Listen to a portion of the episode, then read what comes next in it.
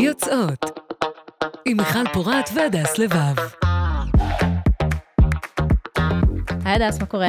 שלום מיכל, מה שלומך? אני אה, רוצה להגיד מעולה, אבל... אה, כי תמיד אני אומרת מעולה, נכון? את תמיד כאילו, אומרת אני מעולה. תמיד אומרת מעולה, זה כבר אה, רפלקס כזה, אבל תקופה מורכבת. לחלוטין. אנחנו אה. יום אחרי ביטול עילת הסבירות. נכון. אני לא יודעת מתי אתם תאזינו לפודקאסט, אני מקווה שכשאתם תאזינו כבר יהיה טוב יותר. כן, הכל יהיה בסדר, והומואים אה, ישתלטו על המדינה. ו- ותהיה רכבת קלה בתל אביב. כן, לגמרי, ומכוניות מעופפות, נראה לי הכל יקרה בערך באותו זמן. אה, אבל כן, זה משהו שצריך, אנחנו מנסות להתייחס פה לדברים אקטואליים אה, כשהם קורים, לצערי, זה יוצא שאנחנו מתייחסות רק לדברים הרעים שקורים, אבל, אה, אבל חשוב, חשוב לא להתעלם מזה, חשוב נכון. להתייחס לזה, ובימים כאלה שאנחנו מתעסקות בנושא שהוא, זהו, הוא מגה פוליטי עכשיו. כן, הקיום שלנו הוא פוליטי. כן, לגמרי. אמ, אז, אז אנחנו שוב נציין את זה, ו- ולא, ולא נתעלם מהדבר הזה, ומזמינות אתכם גם, מאזינים, מאזינות שלנו, לפנות אלינו ולדבר אם אתם מרגישים לחץ, מצוקה בתקופה הזאת, גם אנחנו מרגישות את זה, נכון. ואנחנו נשמח להיות כאן אה, בשבילכם. אז אה, כמו שאנחנו חייבות להגיד, בנימה אופטימית זו, אה, היום הגענו לרמת גן, לעוד אורח מיוחד מאוד, אוהד חיטמן, שאני אנסה להיזכר בטייטל, כי הוא, אתה רב פעלים. אז מחזאי, זמר, יוצר, ומה שכחתי? פזמונאי? מוזיקאי. מוזיקאי, קודם כל. כן. מה נשמע, אוהד? כמו שפתחתם, אה, הימים הם ימים אה, מאתגרים, אבל אה, כל עוד אנחנו מדברים ויוצרים ומהדהדים את עצמנו, אז אי אפשר לעצור את ההדהוד הזה, בין אם זה באומנות, ובין אם זה במה שאתן עושות, ובין אם זה שאי אפשר להחזיר את- באמת את הגלגל אחורה. את הגלגל אי אפשר להחזיר אחורה, אבל אותך כן, ועכשיו אנחנו נשמע וואו, איזה מעבר של כן. פסטיגל כמה זמן חשבת על 1986. זה? שיר מספר זה היה. כאילו, זה היה כאילו, יש לי נזלת, שיר שתיים, שיר מספר שתיים, יש לי נזלת. אז, אז uh, במעבר חלק זה, um, נחזור לילדות שלך, ונשאל איזה מין ילד היית. זה נשמע נורא מוזר מה שאני אגיד את זה, אבל על אף שהייתי מוקף במלא אהבה, ועסקתי גם כילד במה שאני אוהב, שזה מוזיקה, אני חושב שהייתה, לא הייתי ילד עצוב, אבל הייתי ילד הגמומי. כל הזמן היה איזה, הייתה, הייתה איזו עננה גדולה כזאת מעליי. מה זאת אומרת, איך זה התבטא? אני חושב שחלק מאוד מאוד גדול יש לזה ב, ל, לכל מה שקשור במה שאנחנו מדברים כאן היום. זאת אומרת, ב, בבושה הזאת, שאתה לא כמו החברים שלך. זה תמיד היה ככה, או שזה התפתח עם השנים? אני חושב שבכיתה א', בפעם הראשונה, כשאיזה חבר סתם רצה שנראה אחד לשני את הבולבול, מהמם. אני, אני לא צחקתי כמוהו. כאילו, אני צחקתי, אבל לא באמת צחקתי. נלחצת? לא הבנתי אפילו מה זה. ובדיעבד, שאחרי זה אתה בבית ספר יסודי וחטיבה, ואתה כאילו, מצד אחד אין לך חברים, כביכול יש, אבל אתה לא, אתה לא יכול להיות חבר של אחרים כשאתה לא חבר של עצמך. וזה נורא מתסכל. ו- ואני חושב שמה שהציל אותי, ברמה של הציל אותי, זה היה הפסנתר. שמכיתה ג' אני זוכר את עצמי שעות מתאמן בפסנתר. בשלב מסוים, תקופת החטיבה, זה יכול להגיע גם ל-6, 7, 8 שעות ביום. לא הייתי פסנתרן על בדיעבד, אבל, אה, אבל זה החזיק אותי. זה החזיק אותי, וגם לכתוב שירים, ואחרי זה אולי להשמיע לאנשים, וככה אולי לנסות להשיג חברים. זה משהו שאולי המשיך גם בתקופת תלמה ילין בתיכון ובצבא. שתבינו, תחילת שנות ה-90, אה, זה מוזר כל כך להגיד את זה היום, אבל בתלמה ילין, בית ספר לאומנויות, או בלהקות צבאיות, בחיל החינוך, אתה בטוח שאתה אתה לבד, שאתה היחיד שהוא אה, הומו, היחידי שהוא להט"ב. דווקא שם? כן, אבל אנחנו מדברים על תחילת שנות ה-90. כי בשבילי להיות הומו, אה, זה, זה היה, זה, זה היה גזר דין מוות. אני, בשבילי הומו זה היה סרט שבטעות ראיתי, נגוע של עמוס גוטמן, שיש שם סצנות גרפיות שמאוד הפחידו אותי. זה לשמוע את uh, ההורים שלי מרכלים וצוחקים על דמות שקוראים לה זלמן שושי, ואתה יודע שיש גן העצמאות ואתה יודע שיש איידס. זה, זה, ומודעות מאוד מפחידות בעיתון העיר, היה תמיד uh, אה, אה, תומך בנתמך, כאילו, זה- וזה זה, זה דברים שהם סוג של טראומות. אתה זוכר את הפעם הראשונה שהבנת מה זה הומו? מתי זה היה? מי זה היה? אני חושב שבפעם הראשונה באמת זה היה אולי כשכמה חברים ראו פורנו, בו', ז', ח', משהו כזה, אה, וכולם התלהבו מהבחורה, ואני התלהבתי מהגבר, והתלהבתי מ... אה, להסתכל עליהם, לחברים. זה היה מצד אחד מאוד מגרה, כל הדבר הזה שאסור, ומצד שני, אה, היה בזה גם משהו מאוד מסעיר. זאת אומרת, זה גם מסעיר, אבל גם, עוד פעם, אני אגיד את זה אחרת. אה, התבלבלתי קצת. זה היה גם מצד אחד מסעיר, מצד שני זה היה מאוד מפחיד. מאוד מתסכל. מה, ההבנה שזה משהו שאתה לא תוכל אה, לממש? כן, כן, שנועדתי להיות לבד. אני אגיד את זה אפילו מעבר לזה, הנה סקופ, שלא אמרתי באף ראיון, אני הייתי בתול עד גיל 21. וגם, הפעם הראשונה שלי הייתה עם בחורה, והייתי עם בחורות. ודרך אגב, הייתה לי בת זוג שהייתה נפלאה, כמה חודשים, ואני לא לא נמשך לנשים. אני פשוט חושב שמה שהופך אותי להומו, זה לא העניין של הסקס, מה שהופך אותי להומו זה המשיכה הרגשית. על לרצות לפתח משהו רגשי עם כן. גבר. איך אה, נראה, איך נראה הבית? איזה בית? הבית שגדלת בו. כי הזכרת את ההורים כן, שמדברים על זלמן שלי- שושי. אה, אימא שלי למדה אומנות שהייתה צעירה, אה, הייתה שחקנית שהייתה צעירה, אבא שלי גדל בבית מוזיקלי, מן הסתם עוזי, וסבא שלי אברהם, שהיה אה, חזן, אברהם זיכרונם לברכה. ואני גדלתי עם עוד שני אחים, ששניהם גם אומנים, מה המיקום שלך בין האחים? אני הבחור. אתה בכור. ואני מודה שכמו שלי, כל התהליך של היציאה מהארון הייתה, היה, היה תהליך אה, טראומטי, בדיעבד לא יכולתי לצפות שזה לא יקרה אותו דבר גם ככה להורים שלי. זאת אומרת, אם אני בציר הזמן אומר לכם שלי לקח לקבל את עצמי 7-8 שנים, אז גם להם לקח 7-8 שנים מהרגע שהם גילו. זאת אומרת, זאת אומרת, זה נגיד איזה טיפ שאני דווקא רוצה להציע לכל מי שיוצא מהארון ולא מבין איך העולם לא מקבל באותו זמן. אתה לא יכול לקבל מישהו, זאת אומרת, אם אתה לא מקבל את עצמך, ולי לקח תהליך. אתם יודעים, הסקס הראש, הסקסים הראשונים עם גבר זה דברים טראומטיים, דרך מה שנקרא ICQ. אתה נפגש עם אנשים ואתה לא נמשך, אבל, אבל רק לצ... לעצם הריגוש והעניין. ו... ואז פתאום יש לך בן זוג בגיל 23, שהוא חבר, הייתה לו בת זוג, זו אותה תקופה, כזה מה שנקרא, כולם כזה בחבר'ה. בהתחלה זה בארון, בארון לחלוטין. אני גם לא מדבר על זה בהתחלה, אני רוצה שתבינו, אני, אני הייתי בטוח שלא יהיו לי חברים, הייתי בטוח שהחברים שלי לא ירצו להיות חברים שלי. ההבנה שאתה הומו זה משהו שהיה לך כשתיארת את המפגש עם החברים, שהסתכלת על הגבר, מהרגע הזה הבנת? כן. ו- אני לא יכול לומר שבתקופת התיכון אני הבנתי לחלוטין, רק שפשוט הייתי מאוד מתוסכל ולא עשיתי עם זה שום דבר. כי אסור, וזה מזוהם, וזה בדידות, וזה להסב צער למשפחה. אבל זה נשמע כאילו מישהו, ש... כאילו שמעת את זה איפשהו. ברור ששמעתי את זה. בבית, כאילו, אה, אימא שלי דאגה, כמו שאמרתי לך, לפמפם את העניין של אה, זלמן שושי, ובדידות, ואייס, וגן העצמאות, ואבא שלי פשוט לא דיבר. על הדברים האלה. כן. דרך אגב, אני, אני, אני, אנחנו נחזור לנקודה הזאת, רק אתן לכם... ספוילר. ספוילר לה- להמשך, אבל ברגע שיש נכדים, להורים לא אכפת. הורים רוצים רק דבר אחד, כן. כאילו, לא מעניין- לא מעניין לא מעניין אותם. זאת אומרת, הם- הם היום מדברים עם הבן זוג שלי רן הרבה יותר מאשר שמדברים איתי. כאילו, זה- זה- זה זה כאילו ספוילר, אבל כן. אבל נקודת מוצא היא מאוד קשה.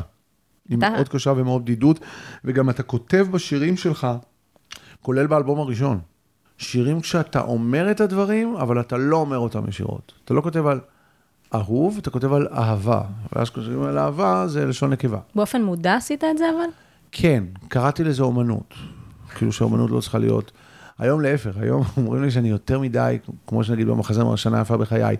אני לא מייפה, אני פשוט אומר את הדברים as is. כן. ובגלל זה אני מניח, אנשים מזדהים עם דמויות. אתה מתאר אה, שזה משפחה מוזיקלית של אומנים, אתה גם גדלת איפה? במרכז? ו... נולדתי רמת גן, גדלתי ברעננה, כביכול סביבה... כן, כביכול לסביבה ליברלית, אתה מתאר שלמדת אה, בבית ספר לאמנויות, שאחר כך גם... אה, אני אומר אה, עוד פעם, צעירי תל אביב, הלכתי אביב, צעירי תל אביב הלכתי בסופו של דבר, בגלל שלא הייתי חבר של עצמי, חשבתי שאם יהיו לי 200 אלף מעריצים, אז אני אוהב יותר את עצמי. אז אפשר לחשוב, כאילו, הסטיגמה על משפחה כזאת, שהם מוזיקאים, של ליברלית, זה שהם יהיו די בסדר עם זה. אתה אומר שבפועל זה... בפועל זה נורא זה לא ואיום. היה אבל ככה. אני חושב בדיעבד שאם במשך שנים כעסתי על ההורים שלי, היום יש לי יותר חמלה כלפיהם. אני לא סולח, אבל אני אתה מבין. חומל אותם, ואפילו קצת, הייתי אומר, מרחם עליהם שהם בזבזו כל כך הרבה שנים באנרגיות שלא צריך להשקיע. כשאנחנו יוצאים מהארון, או רגע לפני שאנחנו יוצאים מהארון, אנחנו מחפשים כל מיני מקורות תמיכה.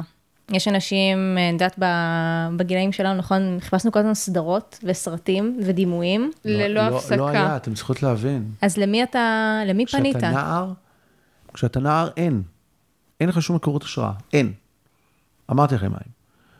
באמצע שנות ה-90 התחילה סדרה שקראו לה מלרוז פלייס, והייתה שם דמות של הומו, שכמובן הוא, הוא אה, מסוג מאוד מסוים, הוא מאוד, מה שנקרא, מאוד... אה, עליז. סאחי, אה, אה, ההפך, סטרייט. ההפך דומו.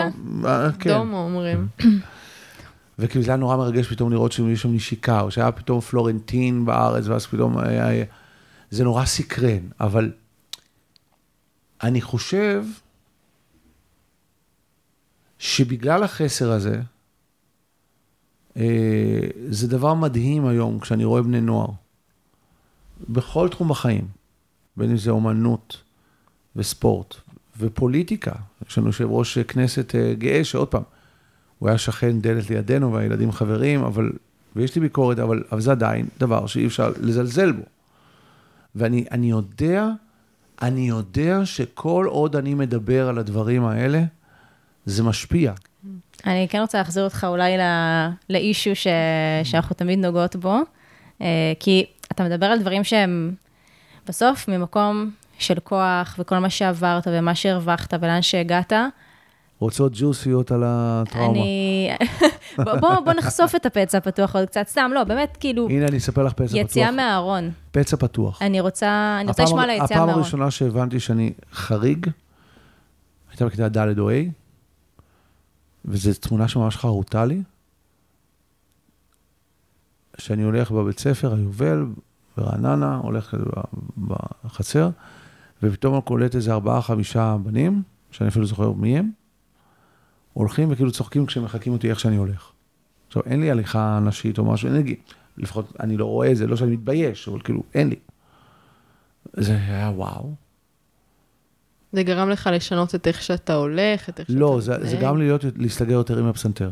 הפסנתר זה לא הייתה בחירה, זו הייתה בריחה חד משמעית. ומתי, אה, כמו שמיכל שאלה, מתי אתה, אחרי שאתה מגיע להבנה הזאת עם עצמך, מתי אתה מספר? וואו. ולמי? הפעם הראשונה שסיפרתי הייתה לחבר קצת אחרי הצבא, ומיד לחברה הכי טובה שם, וכשראיתי שהם הגיבו מדהים, התחלתי לספר יותר למעגלי החברים. גם מדהים. מה עם אחים? אח, אח שלי, סיפרתי לו את זה, כי הוא היה חבר מאוד טוב של האקס שלי. גם רק איזה חודש, חודשיים אחרי שהתחלנו לצאת. ואז גיליתי שגם הוא חד מיני, שגם הוא הומו. ובדיעבד אחרי זה הבנתי שגם אחותי. רגע. של- שלושה אחים להט"בים. וואו. אז אפשר להבין... הנה, הנה טיעון יפה לכל מי שטוענים שזה לא גנטי. כן, לא, זה, זה לחלוטין גנטי. אה, אני יכול להבין מה עובר על ההורים שלי, ואני אומר עוד פעם, עם כמה שזה קשה, אה, זה, סתם מפגרת, אבל אני אגיד אותה בכל זאת. כאילו, אם אתם רוצים לעזור להורים שלכם, תביאו נכדים. זה, זה בעצם, אה, ספיישל נכדים עם אוהד חיטמן. כן, זה פודקאסט בחסות... אה, בחסות ההורים שלי, כן. עידוד ילודה. אבל, עכשיו ברצינות, זה אני, גם אני בתור להט"ב, אם שני הילדים שלי יבואו ויגידו שהם להט"בים, אני לא לא אקבל אותם, אבל אני מודה שייקח לי שנייה לעכל. מהמם. כאילו, רגע, מה, אבל כן, לחלוטין זה גנטי. אה, אני לא מכיר משפחות של שלוש משלוש, אני מכיר משפחה של שלוש מחמש, שלושה מחמישה ילדים, ואני מכיר משפחה של... טוב, בשביל אני- זה צריך להביא חמישה. ילדים בשביל כן. לבדוק את הסטטיסטיקה הזאת. פחות. שלוש משלוש זה מאה אחוזי הצלחה. זה מדהים. תשמעו, או מאה אחוז כישלון. תשמעו, כן, אני תלוי אומר עוד. פעם. זה גם, אתם צריכים להבין שבשנות ה-90 יש הומו, לסבית, דו-מיני, סטרייט, א-מיני. ואת הדבר שקוראים לו קוקסינל. כן. היום הקשת היא כל כך גבוהה, שאני אפילו הולך לאיבוד. וזה מדהים, כי אני פוגש כל הזמן בני נוער, בין אם זה קהל ובין אם זה תלמידים, ואני מבין שיש סקאלה כל כך גדולה של מיניות, שהבעיה היא הבעיה של החברה שמנסה להגדיר. גם היום, אם אנחנו לא נהיה יפי נפש, אין לי חבר מייצג מכל ג'נדר שהוא. לכן אני באתי ואמרתי שאני חבר של אנשים, אני לא חבר של ג'נדרים. אבל נגיד, אה, חברה לפני כמה זמן סיפרה לי על הבן שלה, אמרתי לה, הוא לא הומו, הוא פאנסקסואל. עכשיו, איפה ידעתי להגיד את הדבר הזה לפני... אה, אני חושבת שאולי זה, זה התהליך הזה שאתה מתאר, לפני 20 שנה, אולי קצת יותר. היו תבניות מאוד ספציפיות, בארבעה צבעים. ולהיכנס לתבנית זה תמיד דבר נורא נורא מפחיד. כאילו, אנחנו רואים את זה גם עם שינויי חיים, פתאום להתגייס לצבא, לצאת מהארון, דברים שקורים לנו בחיים. למה היום אני- יש הרבה יותר תבניות. אני אגיד לך גם למה, אבל בכל זאת אני אופטימי. כי אם אני אשאל אותך מתי הייתה אינקוויזיציה, תתני לי את השנים של האינקוויזיציה בספרד, או, אה, אני לא מדבר על מלחמת העולם השנייה, שואה, אבל נגיד אינקוויזיציה, או הדבר, או בעיות פוליטיות, או המהפכה הצרפתית, תני לי את השנים המדויקות, ייקח לך שנייה לחשוב. כן. מצד שני, אם אני אשאל אותך, אה, אה, יאמר לך רומאו ויוליה, או נלך למקומות להט"בים, אוסקר ויילד, מהמם. או יצירות ממש להט"ביות. אומנות תמיד נשארת. וגם באומנות, אפילו מחזות הזמר, כמו שאמרתי לכם אה, לפני השידור, נגיד המקום של הלסבית בעשר שנים האחרונות זה וואו. זה כאילו פתאום האישה השפויה, החזקה, הפמיניסטית. אני רואה גם תהליכים נוספים. יצא נגיד מחזמר שקוראים לו אנג'וליאט לפני שלוש-ארבע שנים, כן, בלונדון עכשיו. ויש שם אה, לראשונה דמות של אה, אבין, א-בינארי. ואני אגיד לכם מעבר לזה, אני מעריך שאנחנו אוטוטו קרבים לראות מחזות זמר גדולים בעולם, שהדמויות הראשיות שלהם הם טרנסים. זה כבר מתחיל, אבל לא בתור דמויות ראשיות. יש איזה, יש איזה מחזה, סליחה, אה, הקלידים פה מאחורה. מתחיל כבר לכתוב את המחזה. כן. אני ממש רואה תהליכים. כמו שאמרתי לכם, המדע, הטכנולוגיה והאומנות זה דברים שאי אפשר יהיה לעצור אותם, וזה הולך כל הזמן קדימה. אז אמרת שאתה והאחים שלך גילית שגם הם אה, בדיעבד. כן. בדיעבד. מתי אה, הגעת עם זה להורים שלך? וואו, זה היה קצת טראומטי. אה, כי הבן זוג הראשון שלי, זה שהייתי איתו כמעט שנה וחצי, אני לא אשכח את זה, זה היה יום עצמאות, מנגל אצל החברים של ההורים, מנגל קבוע, והגעתי איתו. ולא עשיתי מזה עניין, כי החברים של ההורים גרו ממש חמש דקות נסיעה מאיפה שגרתי, ברמת השרון, ואז כנראה התחילו לשאול אותם, מה, אוהד הומו? מה, אוהד הומו? זה היה טראומטי ברמה של אה, אימא שלי צעקות, אבא שלי כמובן שקט, אה, נתק של שלושה שבועות לחלוטין, שאני מרגיש בשלושה שבועות האלה הכי בודד בעולם. זה כבר שלב שהחברים כמובן אוהבים אותי והם איתי ותומכים בי. ואתה גר בבית עם ההורים ש... לא. לא? לא גרת בבית? אוקיי, אני? אעשה סדר. אוקיי, אני- לא לא הסברתי כנראה. בגיל 23 אני סטודנט ברימון, יש לי אוקיי. דירת סטודנטים ששכרתי עם עוד חברה ברמת השרון, אז כן יש לי עצמאות. אוקיי, זה חשוב. חשוב לדעת. ובמשך שלושה שבועות אני מרגיש הילד, הילד הכי בודד בעולם. אני יודע שכשההורים שלי ישמעו את הפודקאסט הזה, יהיה להם מאוד קשה לשמוע את הדבר הזה. אבל זאת, זאת, זאת הייתה המציאות. זה שחזור של הילדות. כן, עכשיו אני יודע שמשפט ההמשך שלהם יהיה, אבל אתה צריך להבין שהיה לנו קשה. כן, אבל אני הייתי בודד, ואף ילד לא צריך להרגיש, להרגיש בודד שלושה שבועות.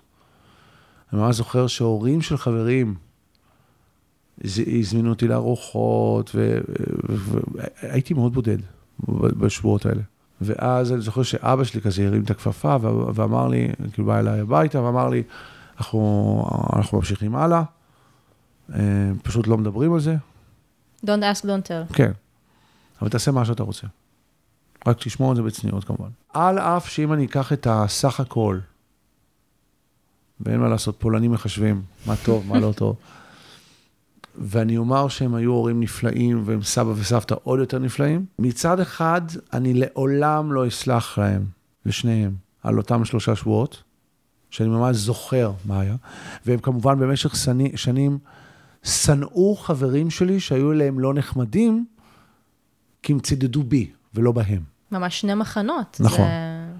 אני לעולם לא אסלח להם על השלושה שבועות האלה. מצד שני, בדיעבד, וזה היה רק אחרי שאני קיבלתי את עצמי באופן טוטאלי, וכמו שאמרתי לכם, 7-8 שנים, גם הם 7-8 שנים. וזה כל כך לא אישיו היום. אני כאילו, עוד פעם, אני אומר את הנוסחה, אני, לא סולח, אני חומל. אני מבין אותם, אני מרחם עליהם. אני לא כועס יותר, אני לא שונא אותם. חשוב לעשות את ההבחנה הזאת. ואני יודע שזה שלושה שבועות שבאמת מהטראומטיים בחיי. זה לא נגמר שם, כמו שאמרתי, היה את הקטע של למה, למה זוגיות, ולמה כאילו חתונה, ולמה... עד ילדים, שם זה... אבל uh, זה כאב שלא הייתי מאחל לאף ילד.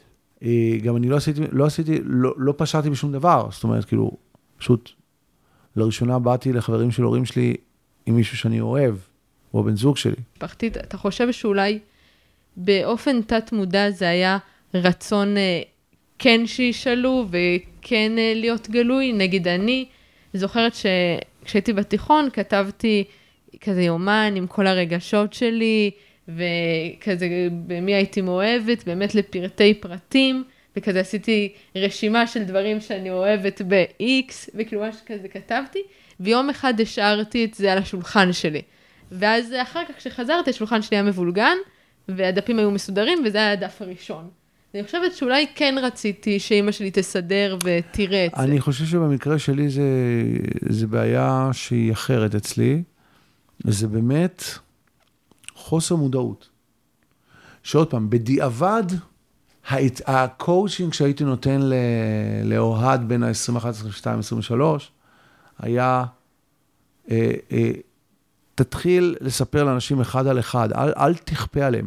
למשל, היציאה התקשורתית שלי הייתה טראומטית, ברמה של לא בסדר. מדבר איתכם כבר על 2008, 2009, אני כבר עם רן, בערך כשנה, אז זה בערך 2009 זה, רצח הבר נוער, זה היה ב-2009? Mm-hmm. אז הרצח הבר, רצח הבר נוער, שזה דרך אגב הערב הראשון בחיי, שהלכתי ברחוב באופן ספונטני, זה היה בשדרות רוטשילד, יד ביד עם רן. אף פעם לא הלכתי לפני זה ברחוב עם גבר יד ביד. זה היה כאילו כל כך עוצמתי, אני ממש זוכר את זה, אבל, אבל היה מקרה שיואב גינאי, חברי, הפזמונאי, פנה אליי ואמר לי, בוא נכתוב שיר ביחד לעצרת שהייתה בכיכר רבין.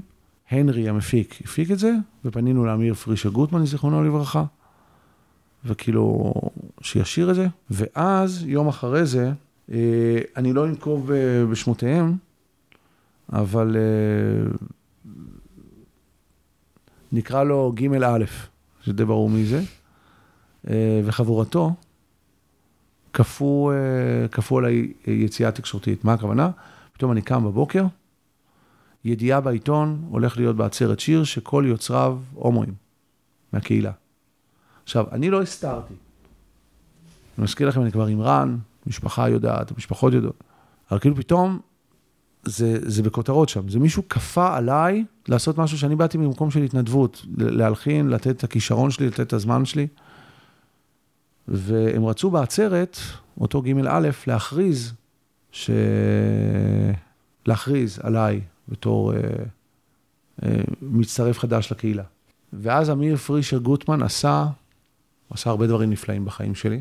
עשה משהו שמאוד אפיין אותו, את המנהיגות שבו, את החדות שבו. אמר לי, קודם כל אנחנו שרים את זה בדואט. אנחנו שרים את זה ביחד, אתה לא כאילו מאחורה. ו... ואז, רגע לפני שג' א' הכריז על הבמה, אמיר פרישר גוטמן לקח את, הבא, את המיקרופון ואמר, אני רוצה להזמין לבמה חבר שלי, שעצם זה שהוא כאן, זה הוא כבר אומר הכל, אוהד בוא נשיר. ואז התחלנו לשיר את השיר, אל תעצום את העיניים, ויום אחר, ושתבינו, יום אחרי זה ישראל היום, בעמוד הראשון, מדברים על ההפגנה הזאת, שהייתה בכיכר רבין. אחת הכות... בכותרות משנה, אוהד חיטמן יצא מהארון. בחדשות ערוץ 2 מדברים על זה. עכשיו, זה כאילו פתאום חברים מתקשרים להורים שלי. ו... וזה טראו... ואני מבין, אבל פה אני כבר במקום אחר בחיים. פה אני מאה אחוז מחבק אותם.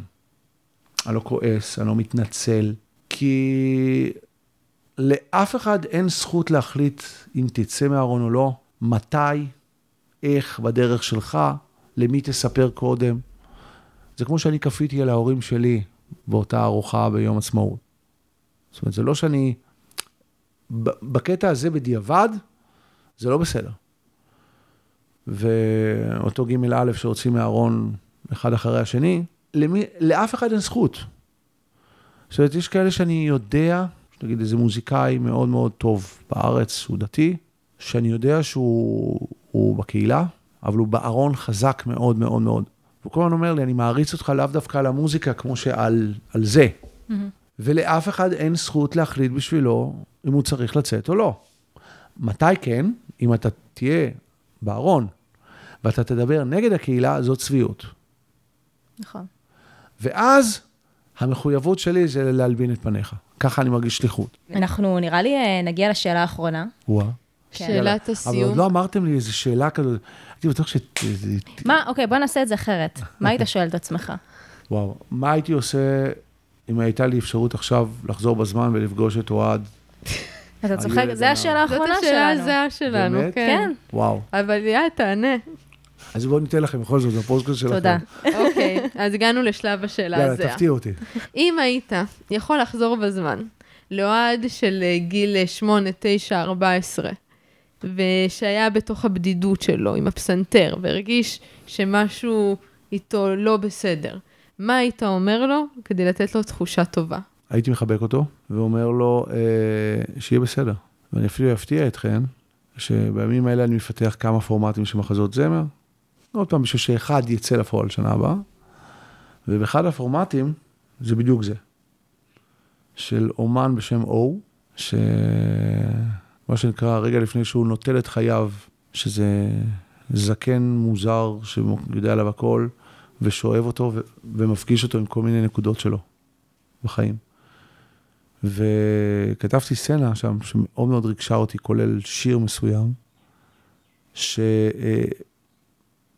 פוגש את עצמו הילד, שמסתכל על הילדים בכיתה שמשחקים כדורגל, ובעיקר מסתכל על מישהו מסוים. והוא מרגיש בודד.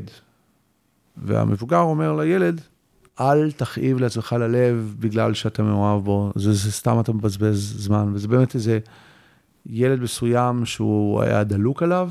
עוד פעם, הרבבתי שם כל מיני תמונות מהחיים שלי. זה תסכול מאוד גדול, שאתה מאוהב במישהו שהוא על פניו חבר שלך.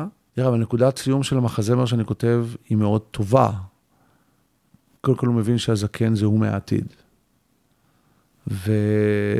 והוא פשוט מבין שהוא חי את העבר בשביל העתיד, במקום לחיות את הכאן ועכשיו. זה, זה קטע, כי גם העניין של הכדורגל זה באמת משהו שאני זוכר שבכיתה ד' או ה' הפקדתי שני שערים עצמאיים, והבנים עשו עליי חרם כמה ימים, וגם אני חושב הילד שבאמת נמשכתי אליו בטירוף, בכיתה ז'-ח', הוא היה גם מצד שני מרביץ לי, סוג שמתעלל בי. אה, זה היה תסכול מאוד מאוד מאוד גדול. זאת אומרת, הייתי, לא הבנתי איך יכול להיות שאני נמשך, גם, עוד פעם, לא ידעתי לקרוא לזה נמשך, לא נמשך. אז אני חושב שזה נורא קל להגיד בדיעבד לילד שלנו שהיינו, תהיה, שיהיה בסדר.